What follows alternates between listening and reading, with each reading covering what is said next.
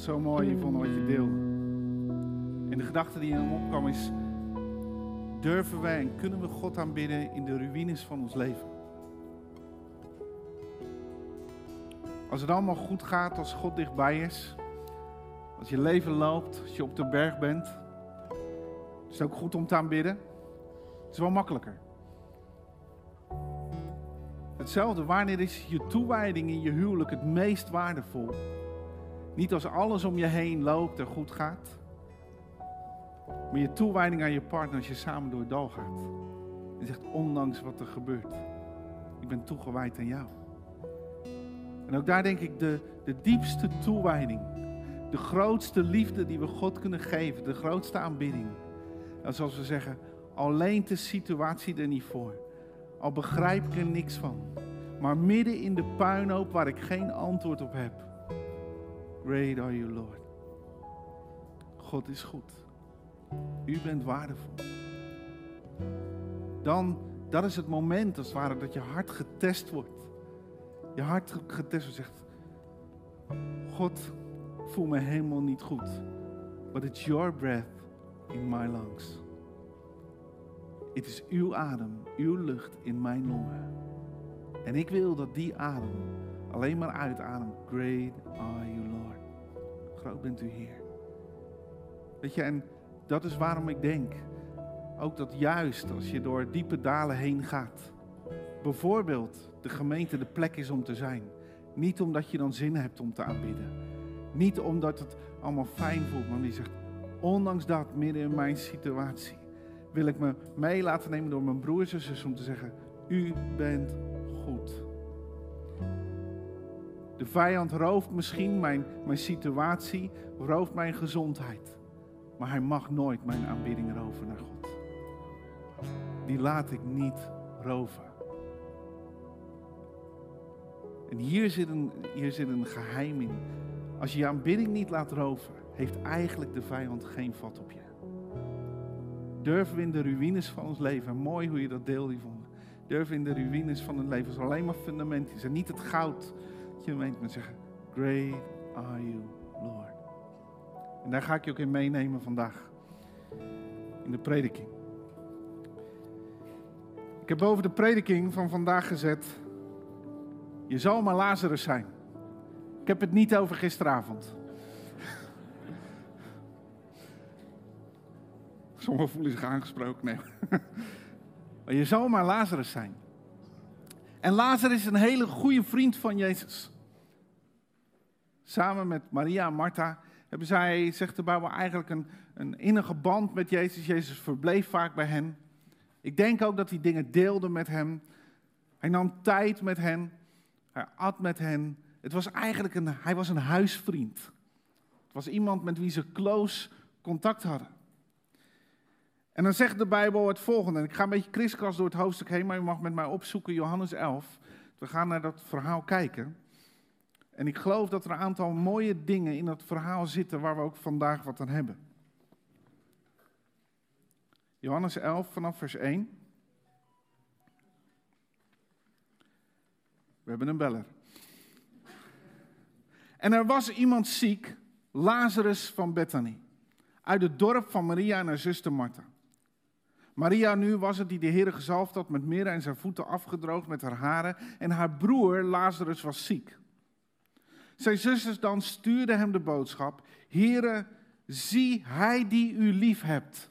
Dus ze doen een beroep op een band. Degene met wie u close bent, die belangrijk voor u is. Degene die u lief hebt, is ziek. Vers 6.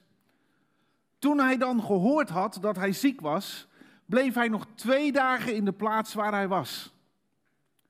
Vers 17. Toen Jezus dan gekomen was, bleek dat hij al vier dagen in het graf lag. Voelt hij de cruheid als je even de tussenliggende teksten weghaalt? Tussen. Lazarus, een vriend. Iemand die, die, die close is. En dan Jezus. Ik zou eigenlijk willen zeggen, ons thema dit jaar is zoek mij en leef. Dan zeg ik, ja, zoek mij. Maar waar is Jezus dan? Ik denk Dat als we even in het hart van Lazarus moeten kijken, dan zou er toch zoiets geweest moeten zijn. Ik ben ziek. En, en ze zien eigenlijk, ook zijn zussen zien, van hij wordt zo ziek dat hij het misschien wel niet gaat halen. En ze zeggen, Lazarus, we gaan een boodschap naar Jezus sturen. We gaan Jezus roepen, want overal geneest hij mensen. Overal doet hij van alles. En hij is onze vriend. Hij komt. Hou nog even vol, Lazarus. Hou nog even vol. Blijf nog even bij ons. Jezus komt eraan. Zo, ik bedoel, zo omschrijven het niet in de Bijbel, maar zo moet het toch ergens gegaan zijn. Want zo zou het bij ons thuis toch ook gaan. Hou nog even vol. En ook Lazarus moet gedacht hebben, hij is mijn vriend. Hij komt. En de dagen verstrijken. En Lazarus wordt slechter en slechter. En misschien dat Maria of Martha regelmatig even naar buiten liep om over de weg te kijken of Jezus er al aankwam. Is die daar nog? Misschien de eerste dagen vol geloof, vol passie. En terwijl Lazarus slechter wordt, misschien niet met minder passie, maar met wel steeds meer wanhoop. Waar is die dan? Waar is Jezus dan? Zoek mij en leef. Maar waar was Jezus? Weet u wat Bethany betekent? Huis van ellende. Zou je woonplaats zijn, hè? Huis van ellende. Huis van smart eigenlijk. Weet u wat Lazarus betekent? De Hebreeuwse naam is. En het betekent, God is mijn hulp. Degene die door God geholpen wordt. Dat is zijn naam. En je zou eigenlijk zeggen, wow, wat een mooie heenwijzing in, in, het, in de plaats van ellende, in de ellende waar ik in terecht gekomen ben, op de plek waar ik het niet meer weet, is iemands naam degene die door God geholpen wordt. Hij niet dus. Althans, zo moet het toch wel even in je gedachten komen dan. Dat je denkt, ja, ik niet dus. Ik heb een mooie naam, maar het is niet zo zichtbaar op dit moment. Het is niet zo dichtbij. Want tijdens zijn ziekte is Jezus er niet. Lijkt Jezus er niet te zijn. Waar was Jezus toen Lazarus ziek was? Hij zegt op een andere plaats, maar het wordt nog cruier. Toen Lazarus ziek was, was Jezus op een andere plaats zieken aan het genezen. Dit knerpt toch ergens, of niet? Dat je denkt, mijn vriend is op een andere plaats aan het doen wat ik zo graag zou willen dat hij hier doet. Dat hij bij mij doet. En is dit soms niet zo herkenbaar voor ons eigen leven dat als wij even zijn in het huis van ellende. Dus misschien zijn er mensen die dit nooit meemaken. Zeggen, huis van ellende? Nou, nee, eigenlijk nooit. Bij mij gaat eigenlijk altijd alles goed. Eh, voor mij doe je dan gewoon niks dan gaat alles goed. Als je leeft, zijn er ook momenten dat je in het huis van ellende bent. We geloven met elkaar. We hebben een God die helpt. Dat is eigenlijk de naam hè, van, van uh, God, ik zal er zijn en in zijn gemeente. En, en, en we weten het. En het frustrerende is soms dat je dan de verhalen hoort dat het daar gebeurt. En niet bij jou. Zijn er mensen die dit herkennen? Dat je het dan niet eens meer leuk vindt om het van ergens anders te horen. Dat het daar gebeurt. En dan komen mensen met verhalen dat, dat God dit doet en dat doet. En dat je denkt, ja, ja. En mijn naam is God die mij helpt. En ik wil je hierin meenemen, want dit, dit staat zomaar in een paar zinnetjes. Maar dit moet ook door het hoofd van Lazarus gegaan zijn. Dit moet door het hoofd van Maria en Martha gegaan zijn. We hebben hem geroepen en hij lijkt niet te komen. Hoe vaak voor ons niet? We hebben gebeden en er lijkt niets te gebeuren. En ergens anders dan weer wel. Lezen we weer een mooi artikel. We zien een mooi filmpje. En we zien het ergens anders gebeuren. En, en het meest enge wat er dan kan gebeuren is dat we gaan opgeven.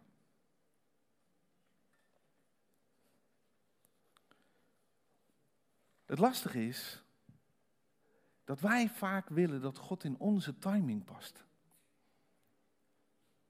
En soms, en Jezus spreekt daar ook over met zijn discipelen, hij heeft het over glorie die geopenbaard moet worden. Soms wordt glorie in een andere timing geopenbaard dan wij zouden willen. Ik zeg dit voorzichtig, want dit is tegelijk ook als heel groot excuus gebruikt.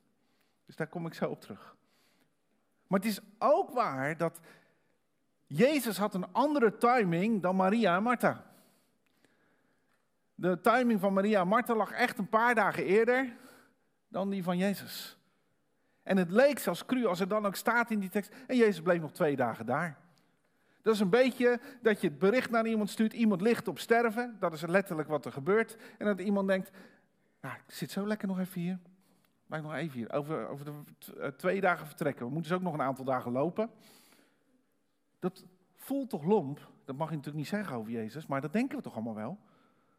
Hoe niet? Van je beste vriend. En dan komt hij daar is hij gewoon vier dagen al dood. Soms is dat lastig, dat Gods timing anders is. We kunnen daar ook niet helemaal mee dealen. Vier dagen in het graf betekent ook dat de hoop vervlogen is. Ik bedacht me, volgens mij Bernard, heb jij ooit iets gezegd over dat drie dagen een soort de grens was?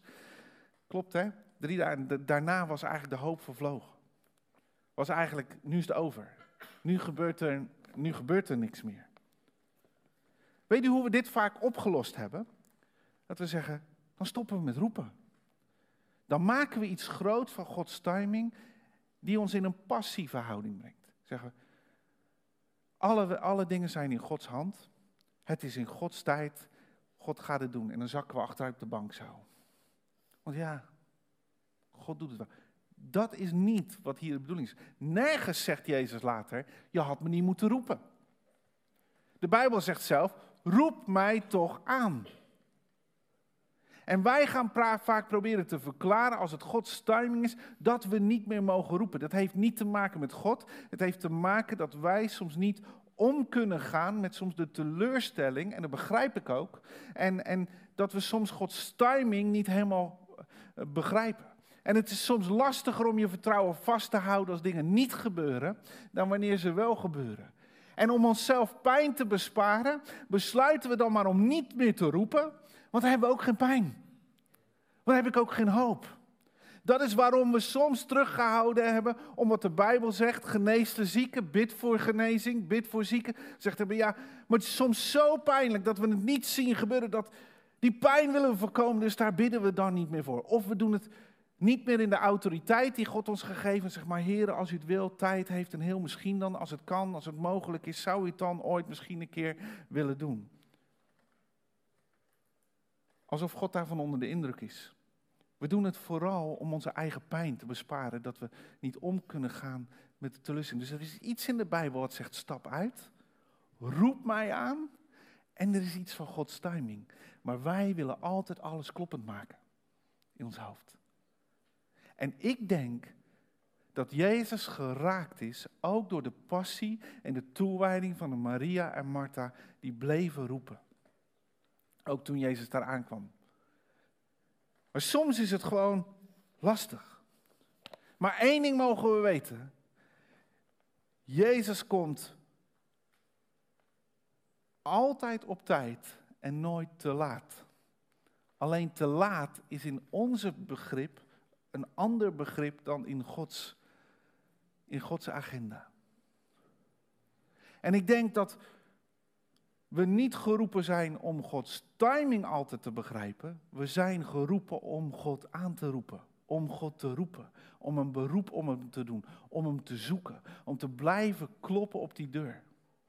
En ik hoop dat soms de teleurstelling in ons leven ons niet passief gaan maken, maar ons alleen maar eagerder gaan maken om Jezus te roepen, Jezus te zoeken en achter hem aan te gaan. Daarbij los te laten dat we zeggen, God, we kennen de timing niet, maar we geloven dat u vandaag en dat u nu iets wil doen. En als ik het nu niet ziet gebeuren, trek ik me niet terug. In de zin van, dan laat ik het los. Nee, ik word nog meer eager om u te roepen en te zoeken, want ik geloof dat u dingen wil doen. En wat ik erbij vast mag houden, is dat als ik denk dat dingen te laat zijn, bij mijn God alles mogelijk is. Dus wij hebben volgens uh, soms een plaatje, dan we hebben voor gebeden, ja, nu is het te laat. Mijn God is dingen nooit te laat. Hij is de eeuwige God die de hemel en de aarde gemaakt heeft. Waarom zouden voor hem dingen te laat zijn of onmogelijk? Durven met elkaar te blijven roepen. En dat is ook waarom ik zo mooi van Yvonne wat jij deelde. Durven we daarom ook soms tussen de ruïnes waar we geen verandering op dat moment zien, toch te proclameren dat God goed is en dat Hij de God van verandering is. Dat Hij degene is die verandering kan brengen.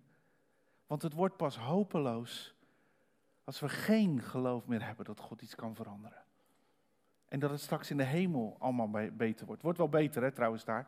Wordt wel beter. Maar ik heb nog nooit ergens in de Bijbel zien staan, stil maar, wacht maar, alles wordt nieuw. Wel, alles wordt nieuw. Maar niet stil maar, wacht maar, doe maar niks. We zijn ook geroepen om het koninkrijk van God naar deze aarde te brengen. En we hebben nodig dat in de periode dat we de timing van God niet snappen, we niet stiller worden, maar actiever worden in ons gebed, in het zoeken van God en het uitroepen naar God.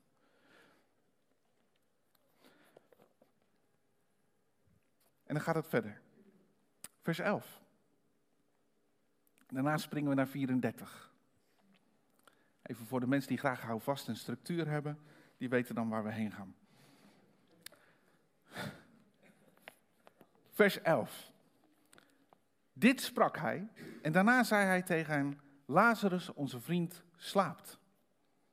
Maar ik ga naar hem toe om uit de slaap op te wekken. Weet je wat ik mooi vond van deze tekst? Maria en Martha weten dit nog niet. De discipelen inmiddels wel. Die weten, Jezus heeft een plan. Jezus gaat iets doen. En voor Maria en Martha was het zaak om vast te houden aan wat ze nog niet zagen en gehoord hadden. En Jezus zegt, ik ga hem uit slaap opwekken. En hij zei, vers 34, waar hebt u hem gelegd als hij daar dan aankomt? Ze zeiden tegen hem, Heere, kom het zien. En Jezus weende, weende. En dan de Joden zeiden, zie hoe hij hem lief had. En sommigen van hen zeiden, kon hij die de ogen van de blinde geopend heeft ook niet maken dat deze niet gestorven was?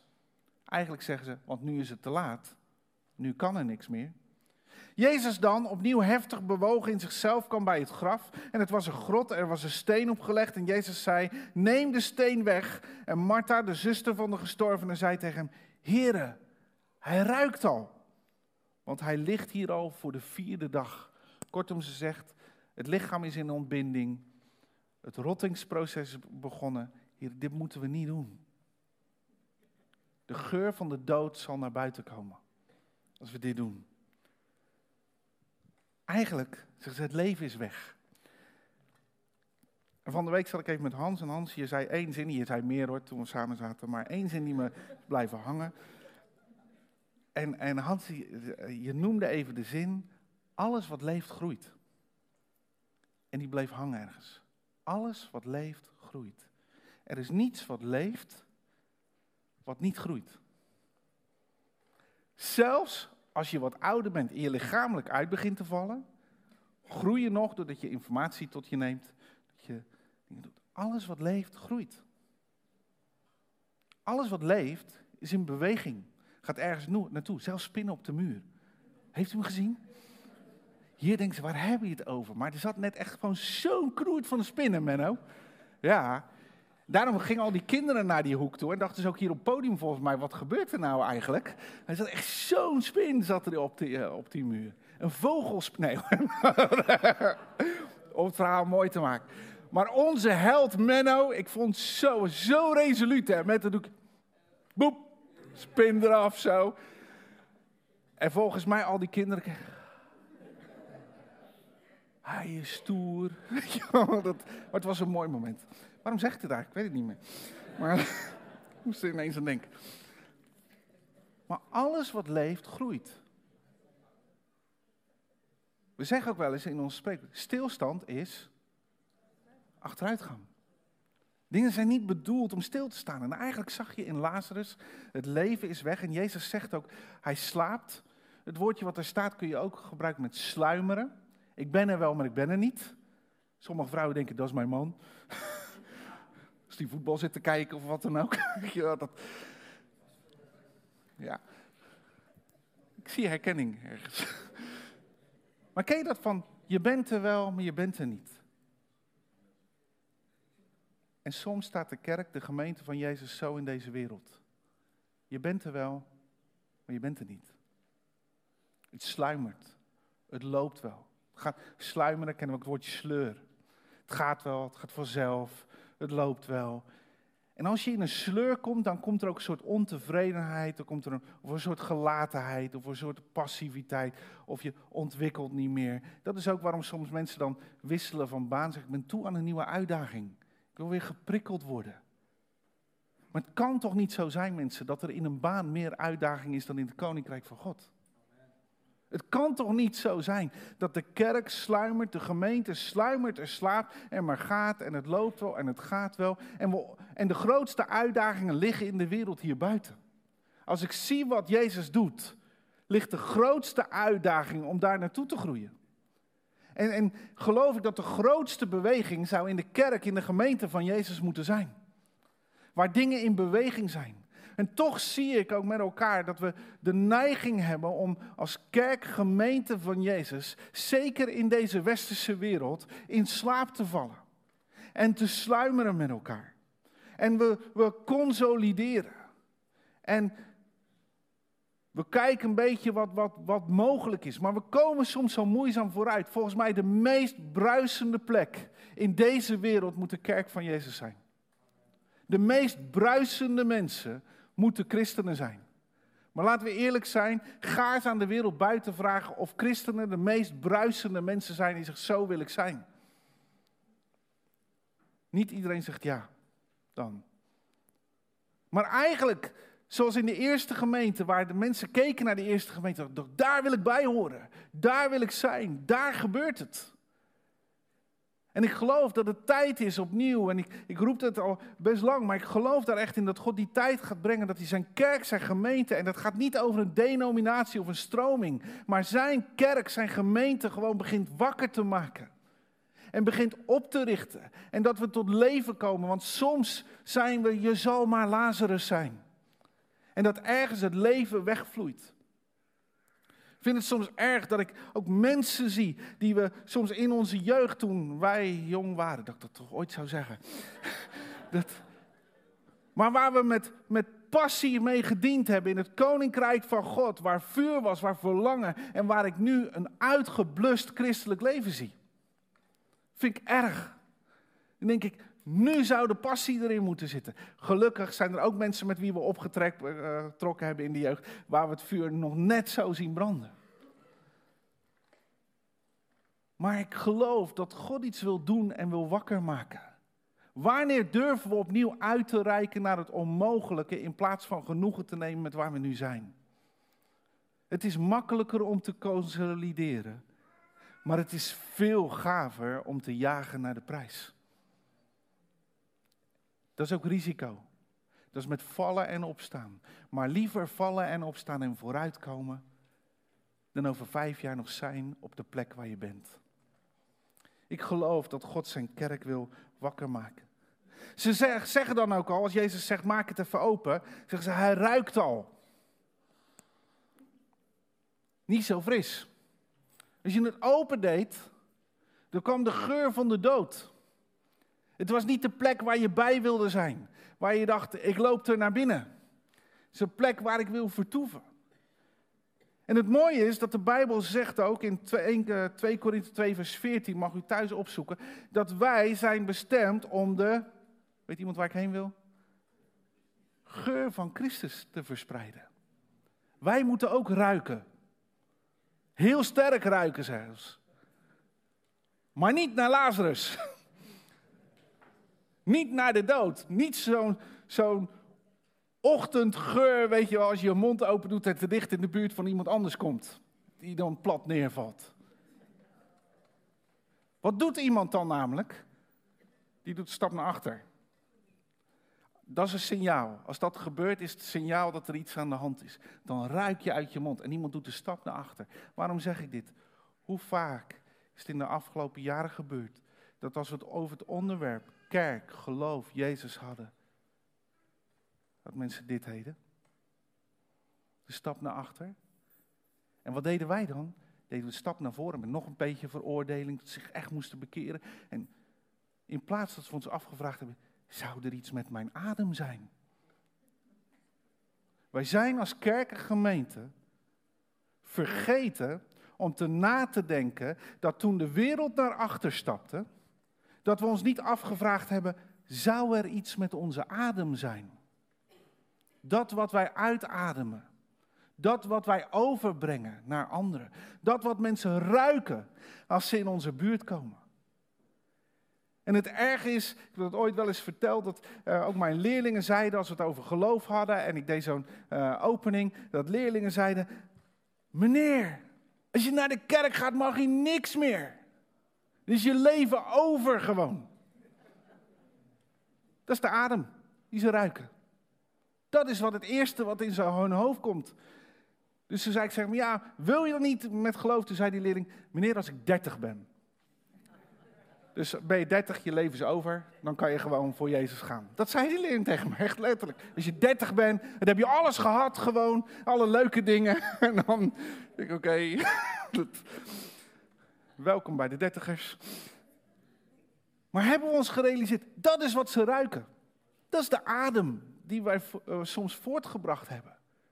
Terwijl eigenlijk zouden mensen moeten zijn. Heb je gezien hoe gaaf het leven is van die gelovigen? Hoe zij met Jezus wandelen, wat er gebeurt in hun kerken, wat er gebeurt in hun gemeente, wat er gebeurt in hun levens.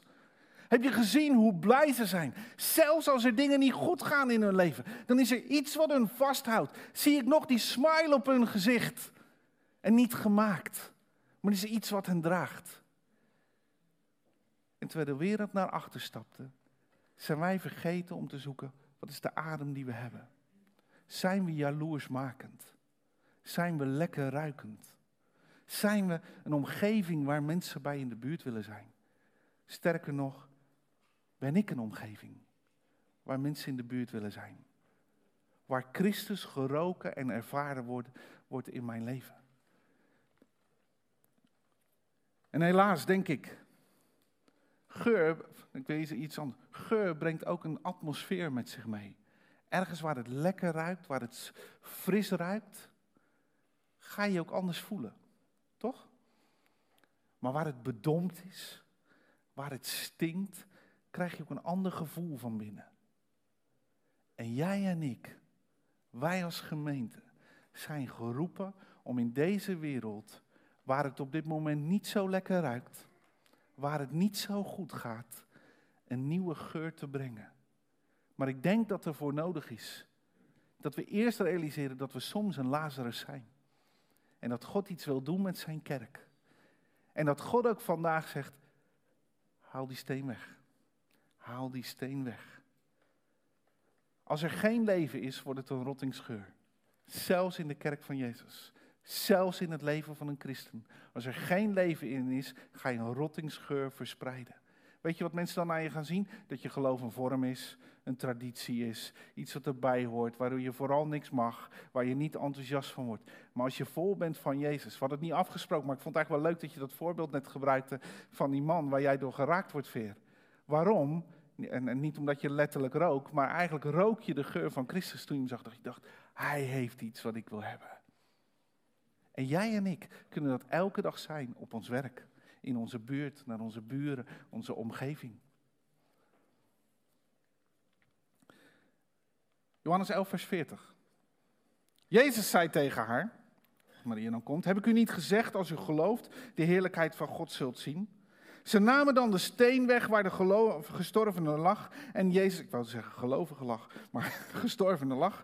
En Jezus hief de ogen omhoog en zei, Vader, ik dank u dat u mij verhoord hebt. En ik wist dat u mij altijd verhoort, maar ter wille van de menigte die om mij heen staan, heb ik dit gezegd. Opdat zij geloven dat u mij gezonden heeft. En toen hij dit gezegd had, riep hij met luide stem, Lazarus, kom naar buiten. De stem van Jezus brengt leven. We hebben het nodig om zijn stem te horen. Zijn stem verandert alles. Zijn stem was degene die de dochtertje van Jairus nieuw leven bracht. Tabitha, sta op. Word wakker. Het was zijn stem die klonk in de levens van mensen. Dat hij zei, word gezond, ik wil het. Het was zijn stem die de hemel en de aarde maakte. Het was zijn stem die spreekt tegen elke hoop die vervlogen is, tegen waar vier dagen rottingsgeur is, waar geen enkele lekkere geur meer is, waar geen leven meer is, waar zijn stem, Lazarus, kom naar buiten. Kom naar buiten. Jezus' stem doorbreekt situaties die vastzitten. En toen ik hiermee bezig was, geloofde ik zo. Ik denk, Jezus wil zijn stem uh, sterker laten horen, ook in jou en mijn leven. En specifiek ook voor mensen vandaag, wil daar waar jij als het ware in je huis van ellende bent gekomen, of in een situatie, of eigenlijk in een graf, of dingen in de dood zijn gekomen, geloof ik dat de stem van Jezus nieuw leven kan brengen. Hij kan nieuwe passie brengen. Hij kan spreken in jouw situatie. Hij kan dingen in beweging brengen. Als er één ding is wat we vandaag nodig hebben, is het niet een vorm, maar de stem van Jezus. God sprak en het was er. Wat we vandaag nodig hebben in levens, is dat Jezus spreekt en het is er. En weet je welke monden Jezus gebruikt? Die van jou en mij. Die van jou en mij. Om leven te spreken, leven uit te bidden. Zijn woorden voor te zetten vandaag de dag. Spreek Jezus' stem, geef leven. Lazarus, kom naar buiten. Maar belangrijk is welke stem klinkt er in je leven? Welke stem is dominant in je leven? Welke stem hoor je het meest? Sommige mensen horen het meest de stem van negativiteit van anderen. Die zeggen altijd: het kan niet, het lukt niet, het moet niet, het gaat niet. Kijk uit, pas op. En wat doet het? Het houdt je terug. Welke stemmen klinken er in je leven? De stem van ontmoediging. Misschien is dat wel een stem die altijd klinkt. Doe maar niet, joh. Zijn anderen die het beter kunnen. Of er is nog een heleboel niet op orde. En denk je echt dat God jou kan gebruiken? Dat jij goed genoeg bent? Allemaal stemmen die ontmoedigen. Stemmen, maar je hebt het veel te druk. Doe dat nou maar niet. Hou maar terug. En we hebben nodig dat de stem van Jezus begint te spreken. Begint te spreken in ziekte, in situaties, in ontmoediging, in wanhoop. In dat Jezus' stem begint te spreken. Zegt Lazarus, kom naar buiten. Kom in het licht. Kom in het licht. En ik geloof dat de tijd gaat toenemen. Als jij en ik hem gaan zoeken zoals Maria en Martha deden. En niet opgeven als we hem niet gelijk kunnen vinden. Maar hem blijven zoeken. Dat de stem van Jezus krachtiger in en door ons leven gaat spreken. En de kerk gaat bruisen. Maar Jezus' stem wil ook in jouw leven spreken. Ik wil je zeggen, verbind je met de stem van Jezus. Kan ik me verbinden met de stem van Jezus? Ja, wat zegt de Bijbel? Mijn woord moet in je zijn. Is dat dan, oh nu moet ik elke dag mijn Bijbel lezen. En dan had ik vroeger dacht ik, moet minstens twee hoofdstukken lezen. moet twee, minstens twee hoofdstukken lezen, dan is het goed. En dacht ik, ah, gelukkig twee hoofdstukken gehad. Dat is nul waarde. Dan ben ik gewoon aan het presteren, dat ik genoeg gelezen heb. kwam ik ook altijd precies bij de geslachtsregisters uit, vond ik helemaal niks aan. En dan zat ik heel braaf die geslachtsregister. Op een gegeven moment was mijn aandacht weg, dus ging ze mee zo bewegen met mijn lippen, dat ik er nog een beetje aandacht bij had. Mensen, dat is echt waardeloos. Weet je, soms lees je je Bijbel en lees je één tekst, dan word je geraakt. En begin erop te herkauwen, wat staat hier, wat zegt u. Soms lees je misschien wel drie hoofdstukken omdat je meegenomen wordt in het verhaal. Mijn woord moet in je zijn, niet alleen hier. Maar dat je het tot je neemt. Zeg, wat God, wat wilt u hiermee zeggen? Wat, wilt u, wat betekent dit voor mijn leven? Wat betekent dit voor een ander? En Gods woord zit hierin. En het zit ook als we aanbidden dat de Heilige Geest begint te spreken en te bewegen in ons leven. Daarom geloof ik dat het zo goed is om bij elkaar te zijn. En met elkaar God te prijzen, God te ontmoeten, God te laten spreken in ons leven. En als de Heilige Geest beweegt, wordt je Bijbellezen wordt dieper, maar het wordt ook dat je begint te snappen hoe het hart van God werkt. Mijn woord moet in u zijn. Wij mogen de stem van Jezus zijn in het leven van mensen. Maar dan moeten we ons wel verbinden met die stem. En ik geloof ook vandaag, als jij hier bent en je eigenlijk een Lazarus voelt, dat de stem van Jezus wil spreken in je leven en de, de, de uh, rots wil wegrollen. Steen wil wegrollen en je naar buiten roept. Er zijn specifiek mensen vandaag waar Jezus zegt, het is genoeg geweest, maar ik wil je naar buiten roepen. Want je bent geroepen voor het licht. Je bent geroepen om in vrijheid te komen. En situaties gaan veranderen in je leven. Johannes 11, vers 44. En de gestorvene kwam naar buiten. Gebonden aan handen en voeten met grafdoeken. En zijn gezicht was omwonden met een zweetdoek. Jezus zei tegen hen: Maak hem los en laat hem weggaan. Weet je, als eerste al even moet je gewoon voorstellen dat dat gebeurt. Hè? Ik denk dan een beetje als een film The Mummy Returns of zo. Weet je, zo'n idee dat er zo'n zo mummy naar buiten komt. Zo. Dan, uh... Maar dat loopt niet zo makkelijk. Heb je wel eens gezien iemand die helemaal omwikkeld is? Ik vond het al knap dat Lazarus de uitgang vond met een doek voor zijn ogen. Toch? Want zo was het wel. Er staat, hij was helemaal ingewikkeld met elkaar. Dus die kwam niet op een drafje zo naar buiten gelopen. In zijn korte broeken, lekker feesten. Ik denk dat Lazarus kwam. Zo kwam dat naar buiten. Kdenk tegen de rots. Oh nee, iets naar rechts. En naar voren. Zo moet het geweest zijn, toch? Sommige mensen spreekt Jezus en je roept je in het licht. Maar blijven gebonden door het leven gaan. Want er zijn soms ook winsels, dingen die ons beperken. Dingen die onze vrijheid eigenlijk benemen. Het is niet zo dat als Jezus spreekt, dat altijd gelijk alles over is en goed is. Soms ontstaat er ook dat je in vrijheid mag gaan leren leven. Dat Jezus je vrij wil gaan maken. En dat is eigenlijk precies wat er hier ook gebeurt. Soms spreekt Jezus in onze situaties en daarna mogen we leren discipel van hem te worden. En om hem te lijken. En begint hij eigenlijk te helpen om de windsels los te maken. Dingen die vakkundig aangebracht zijn om je beweging te beperken en het je moeilijk te maken. En Jezus wil daarin vrijmaken. Jezus bracht leven in Lazarus, maar de doeken en de windsels beperkten hem. En soms zien we dat ook vandaag, dat je bent een kind van God. En je bent gekocht en betaald door het bloed van Jezus. En toch zijn er soms windsels om ons leven die ons beperken. Waar we mee af moeten rekenen. Waar we mee aan de gang moeten. Waar Gods, uh, Gods aanwezigheid ook gewoon nog in moet komen. Weet u, onze beweging wordt soms beperkt. Als ik één ding zie op deze vandaag in het Koninkrijk van God, is dat om te kunnen bewegen, dat de vijand onze bewegingsvrijheid in het Koninkrijk van God enorm probeert te beperken. De vijand probeert onze bewegingsvrijheid in het koninkrijk van God enorm te beperken. Weet je welke zin daarbij hoort? Ik heb het te druk. Op een of andere manier is het vaak te druk voor de dingen van het koninkrijk. En ik zeg niet dat het niet te druk is, maar ik zie hier wel een geestelijke lading achter. Heel kort even naar Egypte. Het volk Israël is in Egypte, ze moeten daar stenen maken. Vervolgens komt Mozes aan. En Mozes die begint te spreken over vrijheid. En dat God hen naar het beloofde land wil brengen. Mozes spreekt dus over wat God door hun leven wil doen. Wat is de reactie van Farao?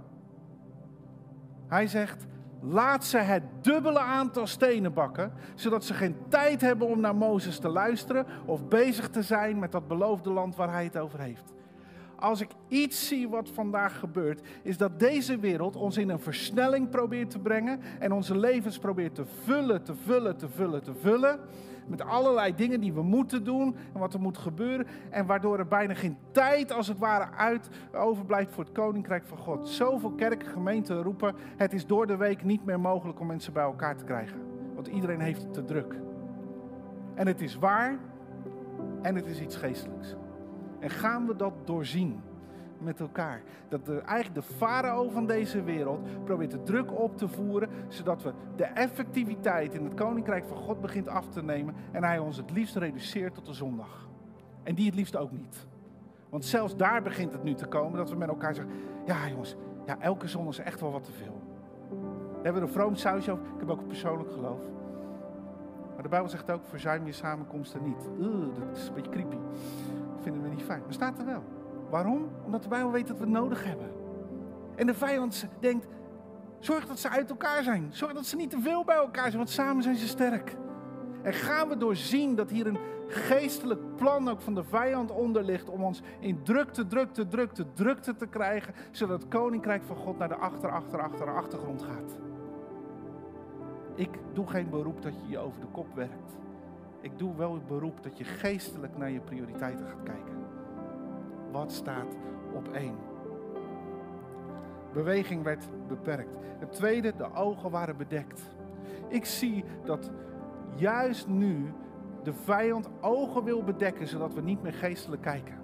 Ik had wel eerder gezegd, als ik zie hoe in de kerk, de gemeente soms het hele gebied van profetie, van openbaring, waar de Bijbel 100% over spreekt, naar de achtergrond is gegaan. Mensen zijn er soms een beetje bang voor, durven er niet in uit te stappen. En weet je waarom? Omdat de vijand niet wil dat wij zien wat Jezus ziet. Hij wil het gewoon niet. Want als we zien wat Jezus wil laten zien, komen we in beweging en wordt de gemeente en wordt jouw leven krachtig.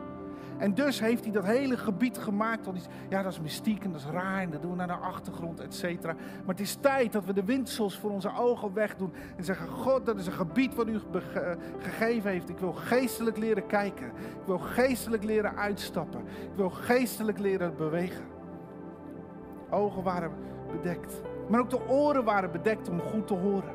En dat betekent, waar laten we onze oren naar hangen? Wat laten we er binnenkomen in onze oren?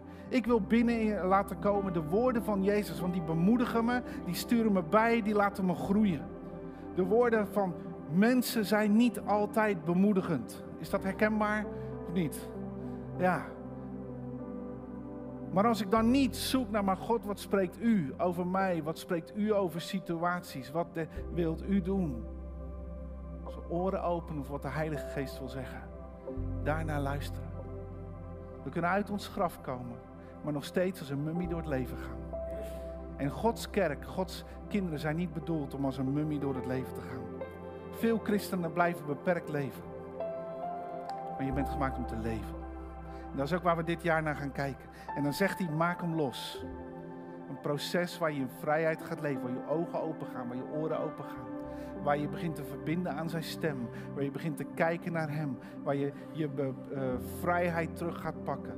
Waar je prioriteiten gaat stellen. En een proces waar je anderen bij nodig hebt. Ik vind het ook leuk dat Jezus zegt niet ik maak hem los, maar maak hem los. En hij zet de ander in. Weet je, de gemeente is bedoeld hier, deze zondag, om elkaar los te maken. Om elkaar te bemoedigen. Om voor elkaar te bidden. Voor elkaar te gaan. Jij bent hier om losgemaakt te worden of iemand los te maken. Dat is waarom je hier bent. Met als eerste dat je hier bent om God groot te maken. Sorry, moet ik zeggen. Maar je begrijpt denk ik wat ik bedoel. Ik wil je meenemen in het verhaal van Lazarus. Een mooi nummer, ik wil je laten horen. Als je raakt, dan mag je gaan staan. Maar... En ik wil eigenlijk je laten zien, misschien, je zal maar Lazarus zijn. Vandaag komt Jezus ook bij jou langs.